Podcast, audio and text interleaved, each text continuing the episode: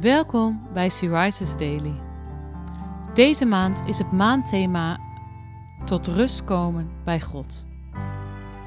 En vandaag luisteren we naar een overdenking van Christine Langeraar. We lezen uit de Bijbel Rechters 5, vers 31.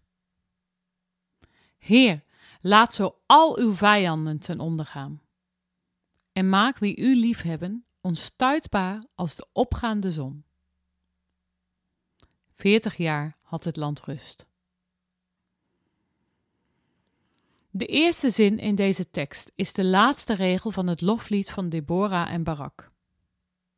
Israël was weer eens van God afgedwaald en daarom werden ze uitgeleverd aan de Canaanitische koningin Jabin.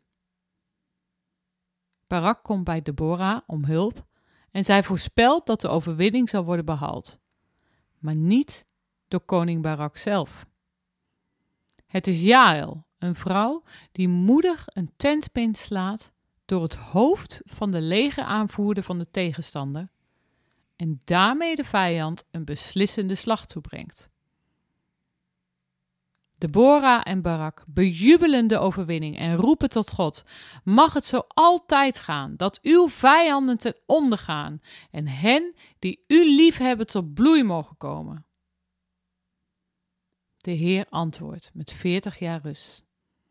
Rust van vijanden en tijd voor groei en bloei. Lieve vrouw, leef dicht bij Hem en wees onstuitbaar als de opgaande zon die warmte en leven geeft. Voel jij je als een opgaande zon die warmte en leven geeft? Weet dat God die zon in jou wil zijn.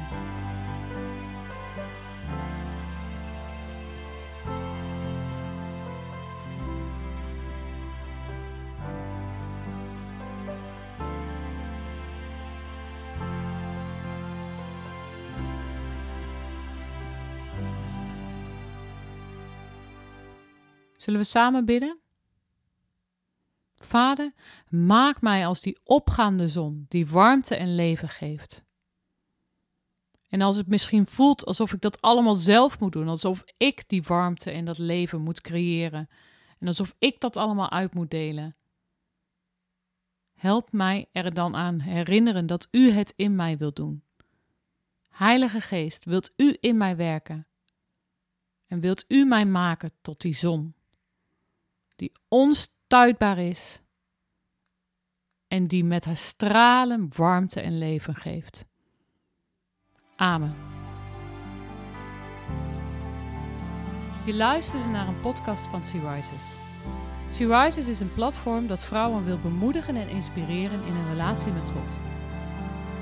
Wij zijn ervan overtuigd dat het Gods verlangen is dat alle vrouwen over de hele wereld Hem leren kennen.